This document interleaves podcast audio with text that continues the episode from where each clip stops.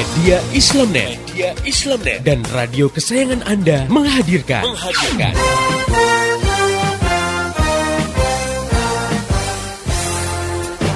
Voice of Islam. Voice of Islam. Voice of Islam. Saya pernah nonton satu acara televisi, di situ ada party, pesta-pesta di sebuah diskotik, lalu dibikin kuis. Cuman kuis itu syaratnya hanya boleh diikuti oleh pengunjung yang bawa alat kontrasepsi, alias kondom. Ternyata banyak yang bawa. Paling datang itu anak muda semua gitu kan. Kita ditanya, "Kenapa kamu bawa?" Loh, kita kan nggak tahu apa yang terjadi setelah ini. Wow, jadi kan sudah sudah sedia payung sebelum hujan gitu ya. Sedia kondom sebelum berzina. Astagfirullahaladzim ya. Kenapa kok seperti terjadi? Karena satu, karena kita sudah hidup di alam sekuler. Hidup dengan landasan memisahkan agama dari kehidupan. Jadi agama udah nggak dipandang. Asma binti Yazid al Ashhaliyah yang sedang uh, dia ingin menanyakan satu masalah di hadapan Nabi dan para sahabat. Dan saat itu di ada forum Nabi dengan para sahabat. Nah, saat itu Asma menanyakan tentang kedudukan peran perempuan dalam rumah tangga dibandingkan dengan peran kaum laki-laki ya. E, bagaimana posisinya? Apakah perempuan itu bisa meraih pahala yang seperti laki-laki lakukan gitu ya? Hmm. Nah, saat itu Rasulullah memuji pertanyaan yang diungkapkan Asma itu di hadapan para sahabat.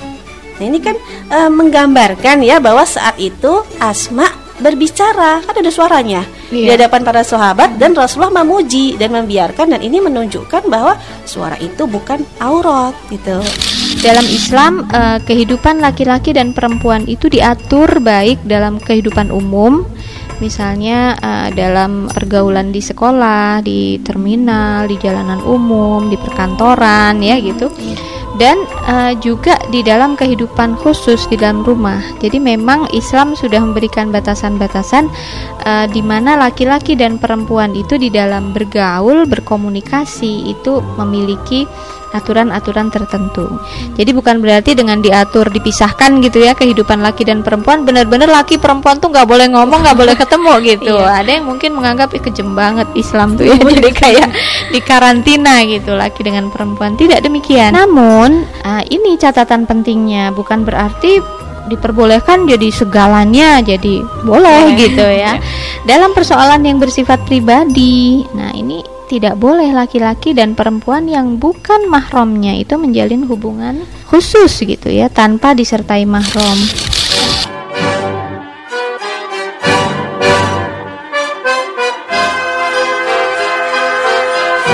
Voice of Islam. Voice of Islam. Voice of Islam.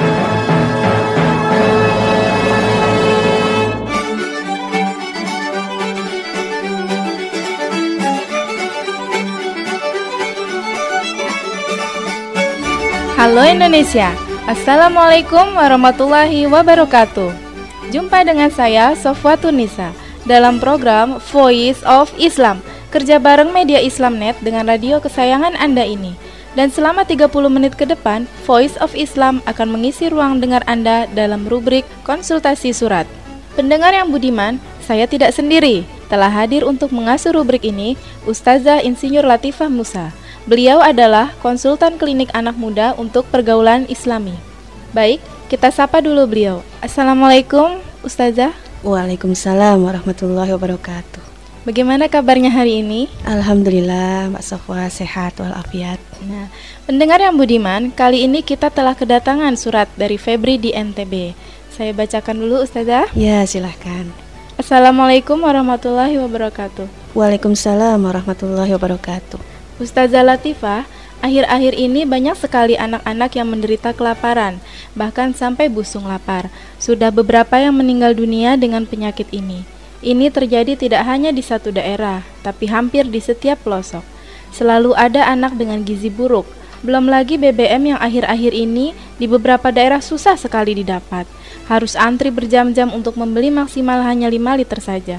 Sekarang, harga barang-barang kebutuhan pokok sudah melonjak. Saya sangat prihatin dengan kondisi akhir-akhir ini. Pertanyaan saya adalah, apakah benar kita ini masih miskin? Sementara saya melihat banyak acara-acara glamor yang digelar di TV-TV dengan biaya ratusan juta atau miliaran. Bahkan tidak sedikit yang memberi hadiah mobil atau rumah. Nah, Ustazah, itu adalah surat dari Febri di NTB. Iya. Ustazah, Pertanyaan Febri ini cukup sederhana. Apa benar sih kita rakyat Indonesia ini semakin miskin? Iya Mbak Sofwa dan pendengar yang budiman dan khususnya Mbak Febri di NTB ya. Pertanyaan ini memang mudah ya muncul di benak kita semua. Apa benar ya bangsa Indonesia ini semakin miskin? Dan mungkin juga Mbak Sofwa bisa melihat ya akhir-akhir ini fenomena yang banyak terjadi di sekitar kita adalah kasus-kasus kemiskinan. Bisa kita sebut ya, banyak balita yang menderita gizi buruk ya, bahkan tidak sedikit yang sampai tingkat busung lapar. Hmm, gitu. Nah, kemudian dalam setiap wawancara dengan orang tua mereka ya, kalau kita lihat di TV ya Mbak Sofa iya. ya, mereka itu mengatakan tidak sanggup lagi membeli susu gitu. Hmm. Jangankan susu ya, untuk makan iya. saja sulit gitu. Hmm. Nah, makan makan juga sudah tidak melihat nilai gizinya lagi. Hmm. Ya. Iya. Dan sekarang ini BBM ya semakin lama semakin mahal dan juga semakin sulit didapat ya. Iya, iya, Ini kan di Jakarta, di Tangerang di mana juga antrian ya iya, lama ya. Betul. Dan belum lagi nanti ketika dapat juga sangat sedikit ya. Nah, akhirnya karena kondisi BBM juga sulit didapat, ya hmm. industri rumah tangga juga banyak yang gulung tikar. Hmm. Nah, kalau di daerah pantai nelayan jadi tidak bisa melaut karena sering kehabisan pasokan premium. Hmm. Nah, kalau tidak melaut kan berarti tidak akan ada pemasukan dan akhirnya juga tidak bisa berbelanja untuk keperluan rumah tangga. Ya, kemudian adanya wabah penyakit ya juga mudah terjadi ya hmm. seperti muntaber, malaria atau demam berdarah ya. Hmm. Masyarakat tidak punya uang untuk memperbaiki lingkungan rumahnya. Hmm. Mereka tidak punya uang ya untuk membuat kamar mandi atau WC di rumah ya karena mungkin hmm. uh, terlalu mahal ya. Hmm. Nah, akhirnya buang hajatnya di luar oh. atau di sungai ya. Hmm. Nah, ini yang uh, menjadi penyebab tidak sehatnya lingkungan. Hmm. Nah, belum lagi masalah kesehatan dan pendidikan.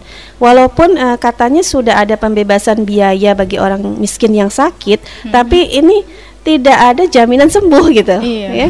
Karena kan dokter kan biasanya ini kalau kalau pengalaman saya ya melihat atau mengantarkan teman dengan kondisi yang ekonominya sangat rendah, kemudian dia hanya bisa ditampung di kelas yang paling rendah juga. Yeah. Dokter itu biasanya datang sekali sehari hmm. dan dia harus melayani pasien yang sangat banyak. Yeah. Itu ya belum lagi obat-obatan tidak semuanya gratis. Hmm. Banyak yang masih harus dibeli sendiri khususnya penyakit-penyakit yang berat itu. Oh, yeah. Nah, akhirnya ya bisa dikatakan uh, sangat berat ya bagi orang miskin, hmm. apalagi kalau mereka dalam kondisi yang sakit. Menurut Survei Ekonomi Nasional ya atau Susenas tahun 1996 ya, sekitar 33,62 juta penduduk Indonesia terancam kelaparan. Hmm, gitu ya. Jadi bukan sekedar ya. miskin, tapi sudah lapar ya. Hmm. Nah, mereka yang disebut miskin itu yang pengeluaran per kapitanya sebulan di bawah 30.000. Hmm. Jadi kira-kira 1.000 rupiah per hari. Hmm. Itu bisa buat apa ya? Hmm, hmm, nah, iya, bahkan betul uh, dikatakan sebanyak 272.198 itu sangat mengenaskan karena pengeluarannya di bawah 500 rupiah per hari itu hmm. punya uang itu ya. Hmm. Nah, sedangkan tahun 2006 ini laporan Susenas juga ya, hmm. angka kemiskinan meningkat menjadi 17,75 persen dengan pengangguran mencapai 10,4 persen. Jadi memang fakta-fakta ini membuktikan ya kita benar-benar semakin miskin. Oh begitu ya Ustazah. Iya. Nah, kenapa ya kita ini semakin miskin ya? Iya. Nah harus diakui ya Mbak Sohwa bahwa ini iya. adalah akibat dari pilihan-pilihan kebijakan pemerintah sejak masa Orde Baru. Hmm. Yang diteruskan hingga masa reformasi, hmm. bahkan sampai saat ini masih saja terus berlangsung. Hmm.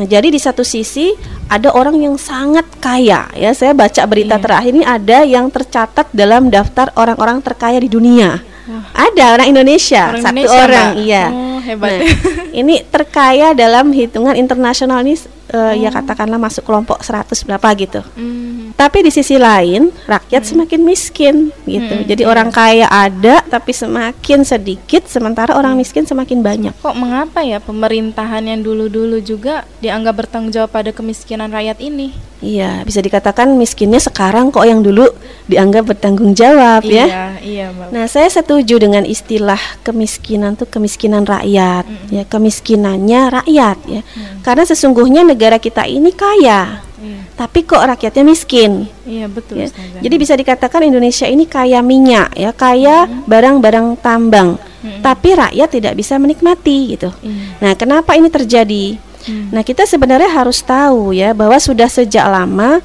kita masuk dalam jeratan eh, bisa dibilang tipu daya negara-negara maju. Ya, ini khususnya Amerika Serikat yang melalui IMF dan Bank Dunia.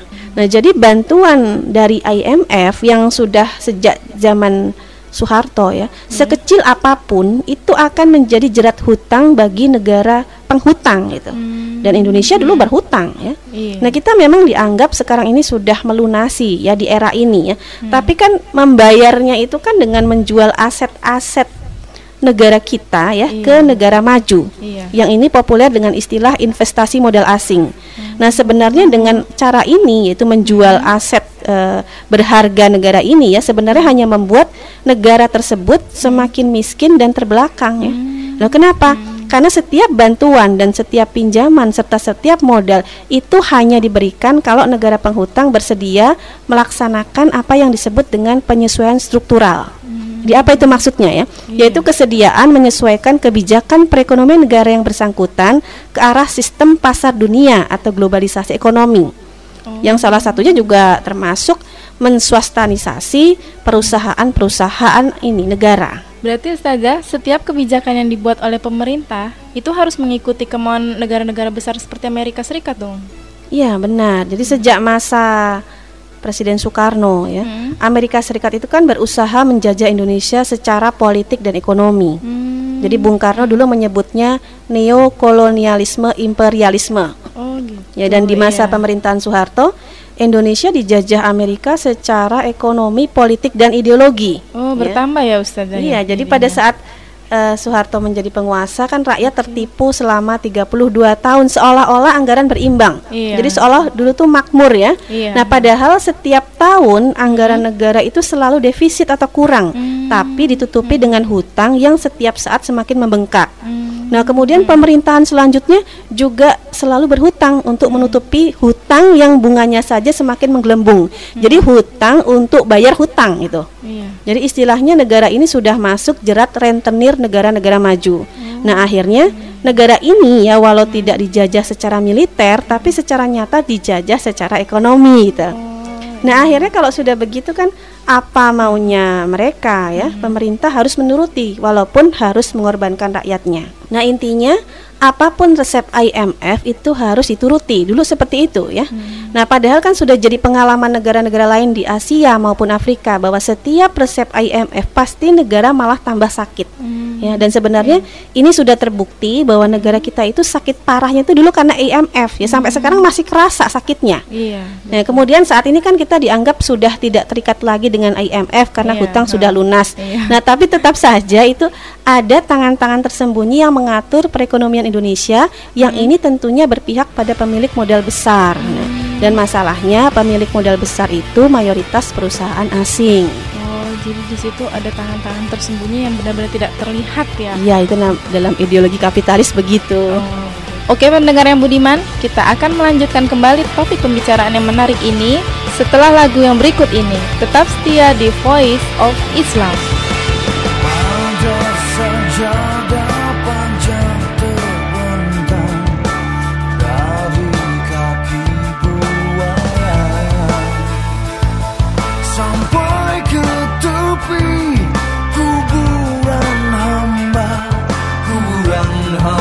I'll be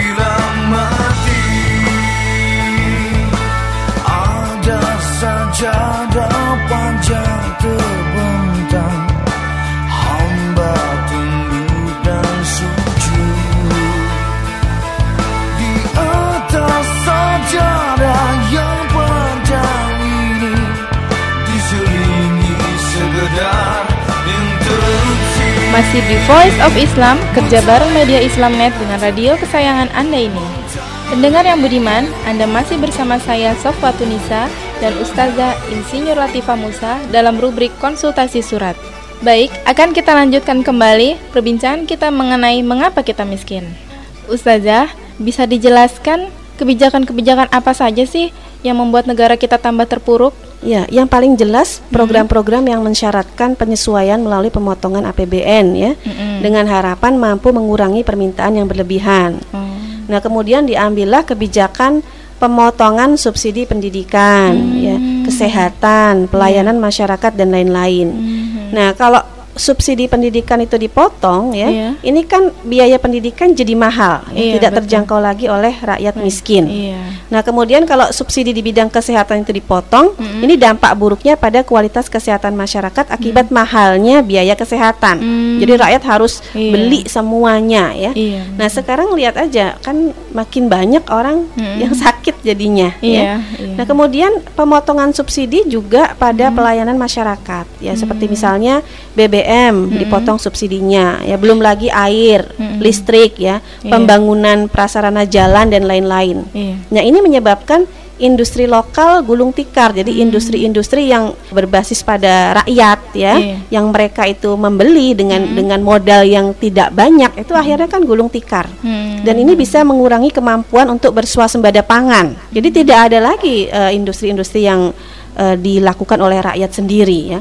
Nah, bahkan terjadi impor barang-barang mewah ya karena kan Iya. Indonesia sudah menerima kesepakatan untuk membuka wilayahnya menjadi pasar bagi pemain asing. Hmm. Jadi akhirnya masuk susu-susu ya produk Iya. asing, Iya. makanan bayi asing dan lain-lain impor itu ya. Hmm. Nah, ini harga itu mengikuti standar internasional ya seperti misalnya minyak goreng, Hmm. susu dan lain-lain dan akhirnya yang Oh, jadi korban adalah rakyat miskin karena Hmm. tidak mampu lagi memenuhi kebutuhan pokok mereka. Nah, kemudian ada lagi yang lebih parah yaitu Hmm. program swastanisasi yang kalau menurut IMF dan Bank Dunia ini Hmm. membuat efisien. Nah, padahal sebaliknya, swastanisasi ini kan menimbulkan peralihan sarana dan prasarana umum yang Hmm. untuk kepentingan eh, perusahaan-perusahaan swasta Hmm. itu bagi mereka tuh kan yang penting labanya besar daripada Iya. kesejahteraan rakyat. Iya. Nah, akhirnya rakyat harus membeli minyak, Hmm. membeli listrik, namanya air itu beli. Iya. Air mandi itu beli, Iya. untuk nyuci juga beli ya. Mhm. Kan air kan diswastanisasi sekarang. Iya. Nah, padahal seharusnya semua menjadi milik rakyat. Hmm. Ya kalau di dalam Undang-Undang Dasar 1945 saja kan disebutkan Hmm. bumi dan air dan seluruh kekayaan alam yang terkandung di dalamnya adalah milik negara Hmm. dan dipergunakan sebesar-besarnya untuk kemakmuran rakyat. Hmm. Nah, ini akhirnya menjadi pasal yang sekedar omong kosong ya karena Hmm. bumi dan seluruh kekayaan alam yang terkandung di dalamnya menjadi milik swasta ya. Iya. Kemudian juga dipergunakan sebesar-besarnya untuk kemampuan asing ya salah Iya. satunya Amerika. Oh, Nah, iya, jadi betul. ini tuh sudah diprediksi oleh para ekonom ya bencana ini eh, beberapa tahun yang lalu, yaitu ketika masih saja ditandatangani Hmm. eh, kesepakatan dengan IMF. Nah, jadi Mbak Sohwa ya kalau Iya. diuraikan lebih banyak, ini Iya. sudah ada sederetan kejahatan IMF yang sekarang terbukti menyebabkan kemiskinan yang sangat parah di negeri ini.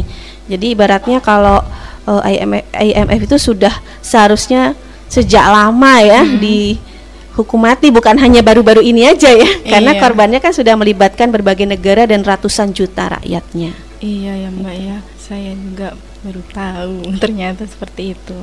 Nah, kemudian Ustazah, apa sih yang harus kita lakukan untuk mengatasi kemiskinan ini? Iya, pertama ya pemerintah memang harus bertobat ya. Oh, Ini khususnya pemerintahan dan tim ekonomi masa Orde Baru ya Hmm, karena mereka itu yang seharusnya paling bertanggung jawab dengan penderitaan rakyat ini. Hmm. Dan juga selanjutnya kalau eh, pemerintah tetap mengikuti resep IMF dan Bank Dunia ya, Iya. ini penderitaan rakyat juga akan semakin parah ya. Mm-mm. Nah, kemudian kedua putuskan ketergantungan terhadap asing. Jadi dulu mau IMF, mau Bank Dunia atau yang semacamnya tidak perlu lagi menambah hutang. Hmm. Dan Indonesia itu bisa ya. Buktinya ketika tsunami di Aceh dan di Sumatera Utara, kemudian Iya. di Jogja, ini rakyat Indonesia bisa bahu membahu membantu dan menyumbang saudaranya tanpa pamrih Iya. ya. Kalau saat itu kan ada Amerika, ada Australia, ada Inggris dan lain-lain. Itu kalau mereka membantu itu dengan pamrih ya, karena mereka memiliki kepentingan terhadap kekayaan alam di Aceh, misalnya di Papua misalnya.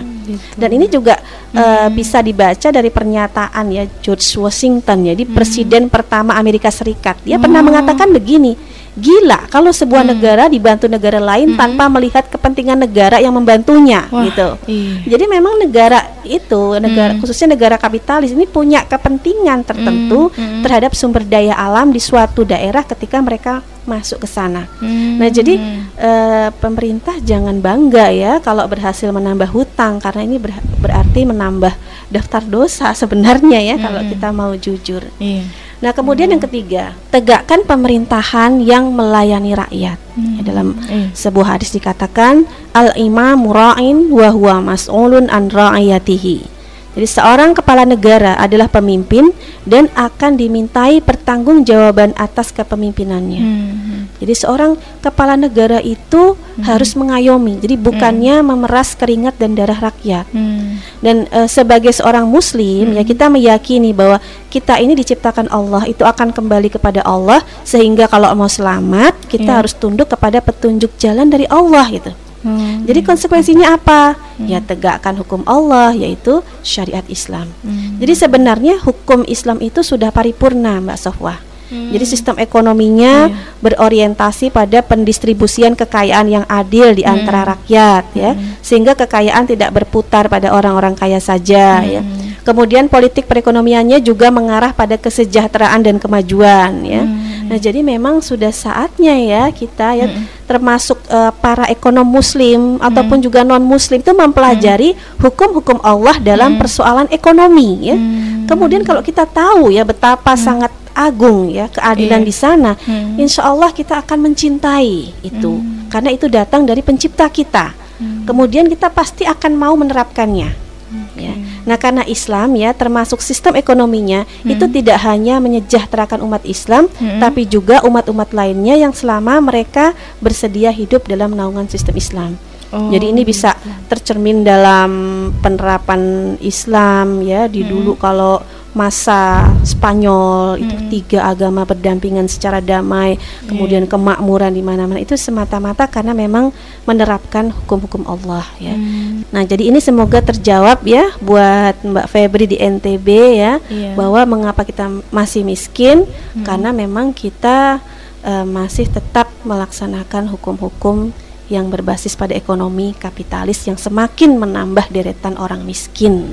Oke, pendengar yang budiman, khususnya Mbak Febri di NTB, semoga terjawab mengapa sih kita semakin miskin? Oke, buat pendengar yang ingin bertanya, memberi kritik, saran dan masukan, Anda bisa kirim surat ke radio kesayangan Anda ini atau kirim SMS ke 0856 9492 4411 atau bisa juga melalui email ke mediaislamnet@yahoo.com. Untuk informasi lebih jauh tentang Voice of Islam, radio-radio di seluruh Indonesia yang menyiarkannya, topik-topik yang akan dibahas dan juga info-info lainnya, silakan klik di www.gaulislam.com. Saya Sofwa Tunisa dan seluruh kerabat kerja yang bertugas mengucapkan terima kasih kepada Ustazah Insinyur Latifah Musa. Terima kasih Ustazah. Sama-sama, alhamdulillah. Terima kasih juga buat pendengar yang telah setia mengikuti acara ini.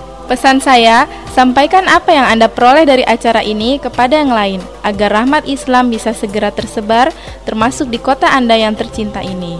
Mari menimbang masalah dengan syariah. Assalamualaikum warahmatullahi wabarakatuh. Lihatlah alam semesta raya Oh lihatlah semua cakrawala Lihat langit nan luas membiru. Awan memutih di angkasa raya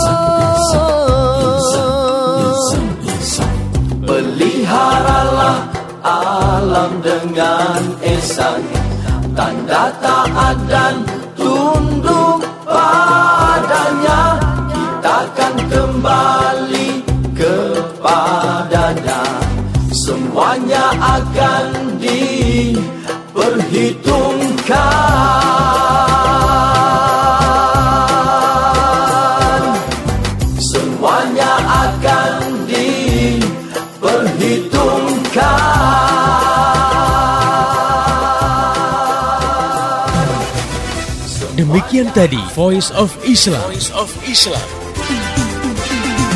Semoga hikmah yang terkandung bermanfaat untuk kita semua. Amin, amin, amin. Ya Robbal Alamin. Kembali bisa Anda dengarkan Voice of Islam. Voice of Islam. Menghadirkan topik-topik seputar kehidupan kita esok hari di waktu dan gelombang yang sama.